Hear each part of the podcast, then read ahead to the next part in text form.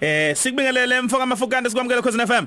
Sawubona. Iyaphila kodwa inkosi ekwaito. Eh no iphilile. Eh mfethu ayisazani bakithi kuyaphusheka. Ya no kuyaphusheka kakhulu even though asikwazi ukuphumela ngaphandle but siyazama.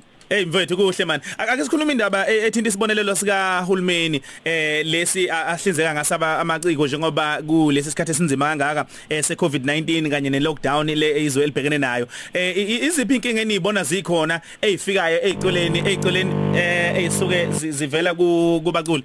Obviously asisebenzi and angithi thina esabaculi or ama performers or people that are involved in industry including laba benza ama events asikwazi ukwenza next since abantu bangabavumeli ukuthi baphumele ngaphandle. So obviously it affects us as an industry ukuthi sizochubeka kanjani if this thing continues to be like this. So kunzima kabi.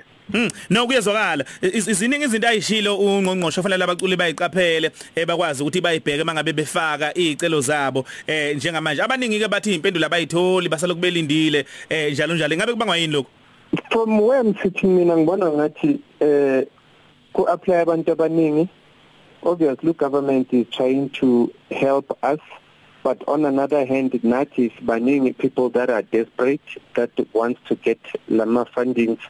So it process you judge so that they are fair is mm -hmm. taking longer. And i think mhlambe mabayenza obviously they did it ngomoya omuhle trying to help us.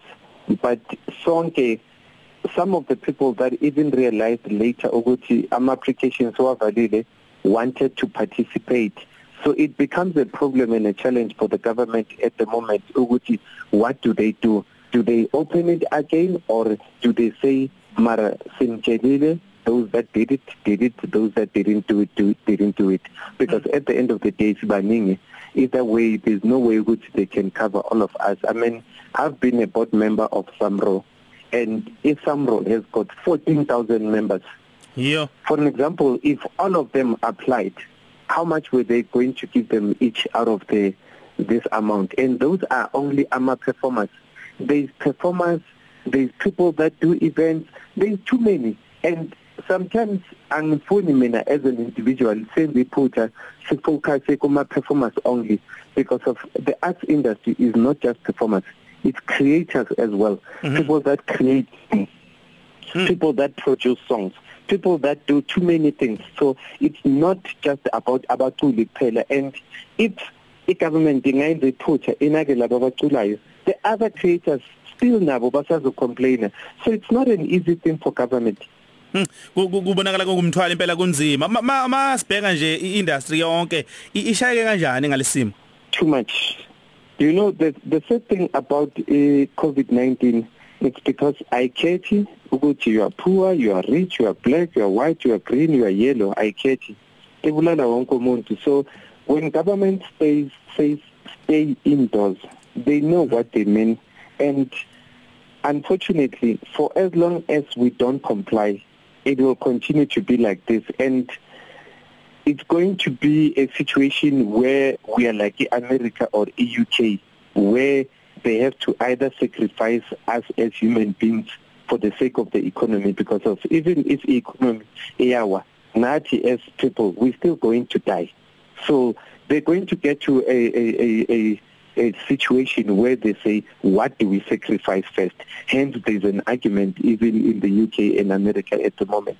Hence other states are opening. And I was very impressed with the premier was say KZN to say that China as KZN will remain on level 5 which is much better. Singasebenzisa umthetho one for everywhere because of somewhere areas might be affected more than the others. So certain places ama economy kumele avulwe so angeke belula this situation. Izoba nzima kakhulu and this is just beginning. 2 months 3 months time kuyoba worse.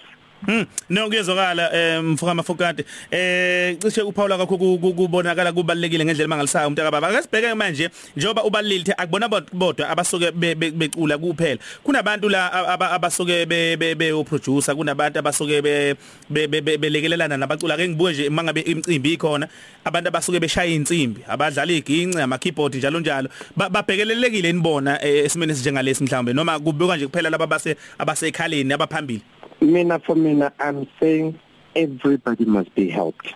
we know it's impossible those mm. that applied at least mabasize bona qala and then if imali sesekhona bachubeke basize wonke umuntu futhi all else but baye kuma organizations like Abu Sambo the ones that are already having this but then there's too many organizations nakhona because of Mauye Samro you'll be dealing with only songwriters so there are those that are still doing khona abantu abasebenza kuma events those that put up speakers.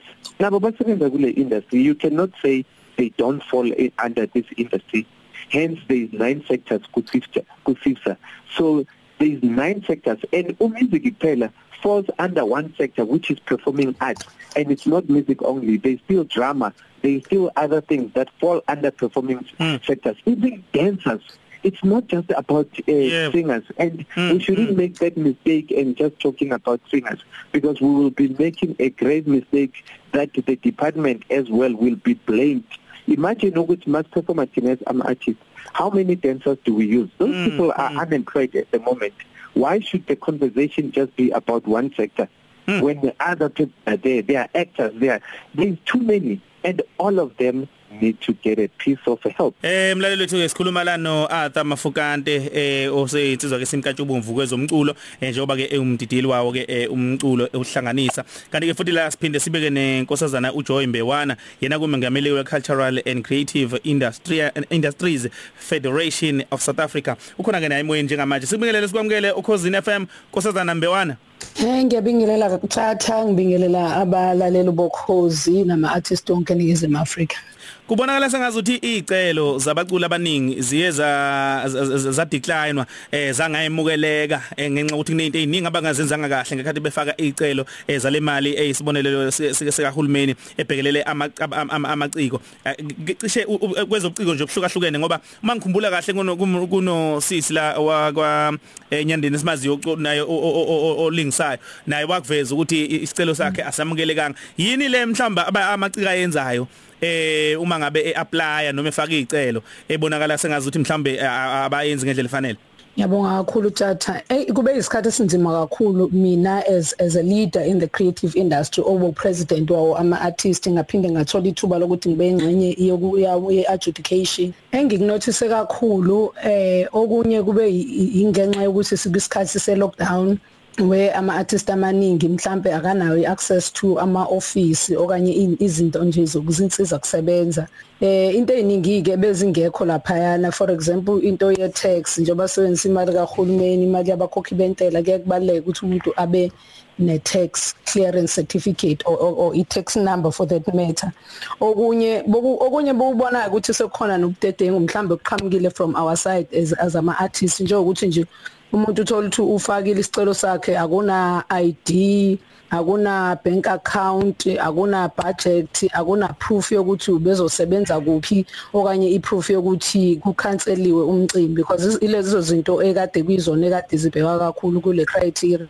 Ezinye ke ngenxa yokuthi abantu abasebenza kuwona le adjudication abantu abaqhamuka emkhakheni wezuciko ezinye izinto ke sike sahlala nazo eh ne department sasho ukuthi cha esimene sifana nalesi mhlambe mengiyiciko for example I'm an actor ngisebenza kwi production company. Ake kungadingakala ukuthi mina ngize ngibe ne tax clearance certificate but if inkampani inakho konke lokho ngiyakubelula for mina as an artist ukuthi ngikhokheleke. So isystem ka government ne system yethu as industry ihamba ihamba iphambane. Kukhona la kusafanele silungise khona thina as u government and u government nathi as ama organizations amele wona lama artists so kuye kwalezo zinto nje ezibangela ukuthi abantu abaningi bagcina bengasizakali. Kodwa ngeke ngisho ukuthi ngeke baze basizakale at all.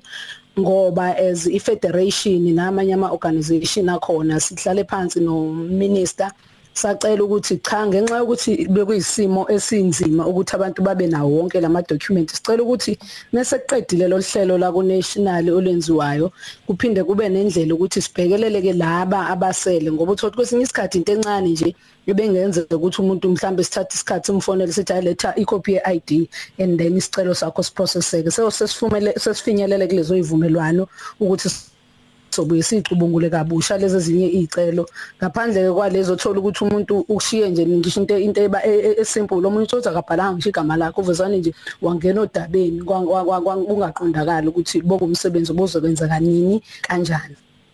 Uma fokandela uthini indaba eh, yokuthi lo lomkhakha owezobuciko ubanzi.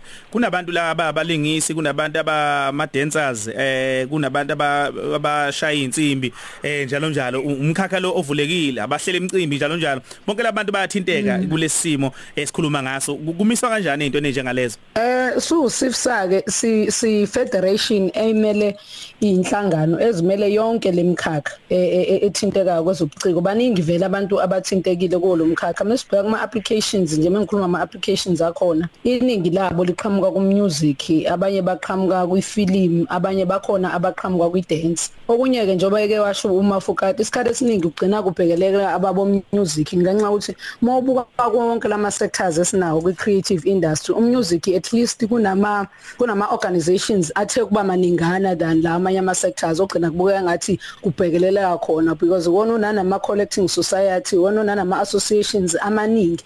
Kodwa ke ngokukahulumeni uhulumeni usivulile icelo wayivula wayivulela wonke umkhakha all the sectors akhona kwi creative industry. Okunye futhi ke abantu abaningi aba applyile ngeke ngabuka nje nama artists amaningi ekade ekhala ngempela. Sikhala sonke ngoba nje bakuvalekile ama ama gatherings kusho ukuthi ama artists wonke lonke uhlobo lwama artists whether umdwebi umbazi nani nani abakhoni ukuthi basebenze.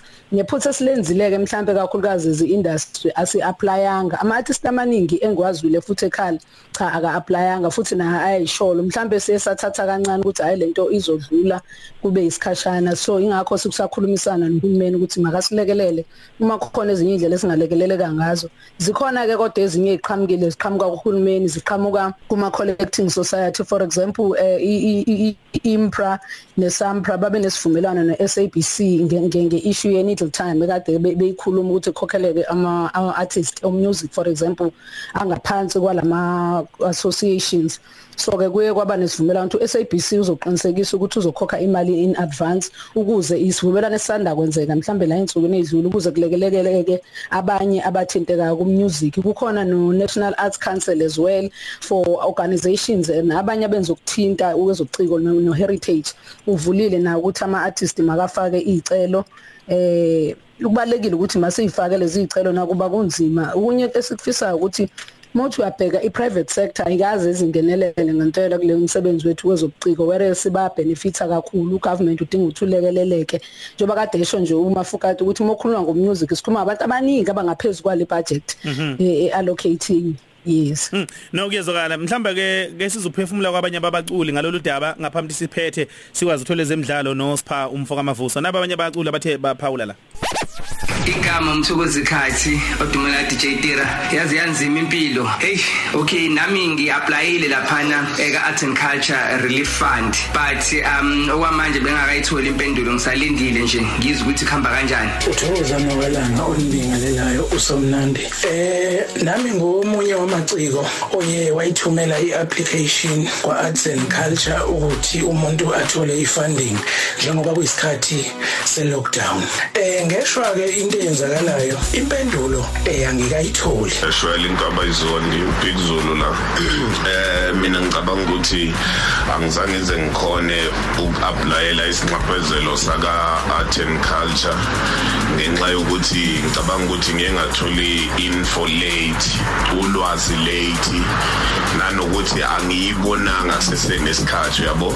So njengoba ngayibonanga nje kusesenesikhathi kuthe phela la sengithola khona uma ngithi ngiyozama ke ngiyokwenza uku-applya kona lokho. Ngase ngithola ukuthi cha sekuvaliwe ke kodwa phela ayikho into esizoyisho.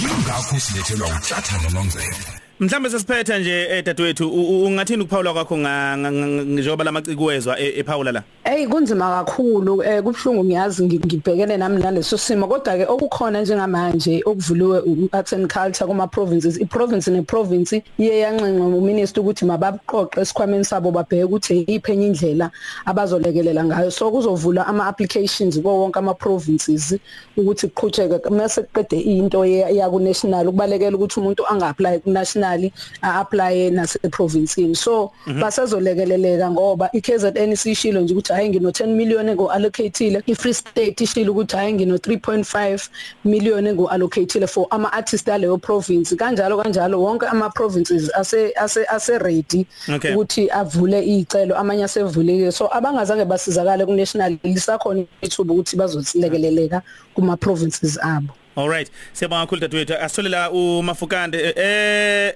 Mafukande sesiphetha nje mfowethu u- u- ungathini lakho lokugcina yini engalekelele engasiza la eh ekuthenini lezinto le- yonke lento ihambe kahle? Eh ngithi kubo bonke abantu am- baku creative and cultural industries. Let's be patient and let's try everything. Sizame ku ku- ku- ku ku wonke lama organizations that are helping people with funding. Abu national lottery NAC go to government departments anything that you hear ukuthi bathi bazosiza abantu from the cultural and creative industries try your luck apply and you never know what might happen. Because of arts and culture yona yodwa it's not going to be able to give everybody unfortunately. So asizameni yonke indawo la kunama opportunities and singakhohlwa ukumamela ama radio stations because of this information. I'm sure ukuthi nani nina sakaza ngayo nakhuluma ngayo ukuthi you know the moment people stay away from uh, things like our radio stations that's when you miss on opportunities. And unfortunately government you advertise kuwo lama uh, uh, institutions like radio stations and ama newspapers. And one mistake if you don't orga or join organizations as well you won't get information. But if you're a member of SIPSA SIPSA will always tell people about these things that are happening. So nabo ama artists and cultural people please join uh, organizations like SIPSA so that you are always informed. Okay. because if you are outside bazokhohlwa Alright sibonga kakhulu Mafukande thank you. Okay mfowethu. Eh sisijoy yebo tata. Yelakho lokugcina nje ma siya- siya- sesiphetha siyabonga. Eh iCovid-19 eh tjatha khona into esi- esiyifundile nakuba kuyisikhathi esinzima. iCovid-19 isibonisile ukuthi umehluko phakathi kwethu nesports u- u- ukuthi we are not organized as as as u- u- umafukati esho ukuthi ave kubalekile ukuthi masijoine ama organization wonke umuntu must belong somewhere because into ebalekile ugovernment usebenza ngabantu abahlelekile ukuthi mesikhuluma ngomlomo akwazi ukudila nama individuals but mokhuluma iorganization ethize kuya- kuyazwakala. Nokubalekile ukuthi iunity yethu siyama artists ibaleke ngesikhathi kakhulu kulesikhathi esimanje ukuthi sibambisane silekelelane ngeinformation as well. Silekelele nalabo mhlawumbe othola ukuthi unenkinga yokugcwalisa ama forms sisizane kakhulu isikhathi sokuthi sisizane isikhathi sokuthi senze izinto ngendlela ehlukile ngoba hayi ukuthi amathuba avalelekile eh, totally. Kukhona into fourth industrial revolution manje wefanele sifunde nathi ukwenza izinto ezidigital but okubalekile njengamanje if ubungakabi ilungu lenye iorganization uSIFSA is the only organization njengamanje ekhona kuwo wonke ama district because ama processes akhona aqale from district provinces up to national. So nala ukhona ukhona uSIFSA ngaphansi koSIFSA kunama organizations akhona amele umhlobo oluhlukile lwamaciko. So okubalekile ngempela zisondeze kuye ukuze ukhulise italent lakho ukuze uthi uzikhulise nangokwe information joina ama organization asisebenzisaneni sayamaciko ukwakhani lama organization kungabi ithina futhi esibuye siwabhidlize. Kuba uhulumeni mase wabekile sekukuthina ukuthi siyiphathele industry yethu siyikhulise. Alright sibonga kakhulu dadewethu ngiyabonga kakhulu tata Alright uJoy Imbewana ke lo besikade siphetha naye ke inkulumo ngxoxo yethu eh kanye ke no Arthur Mfoka Mafukane Mafukande uJoy Imbewana ke umongameli we Cultural and Creative Industries Federation of South Africa. Kanti ke Mafukande ulapha na ke kwezokudidiyela nje ke umculo. Siyama sonke ke insizwe simkantshubo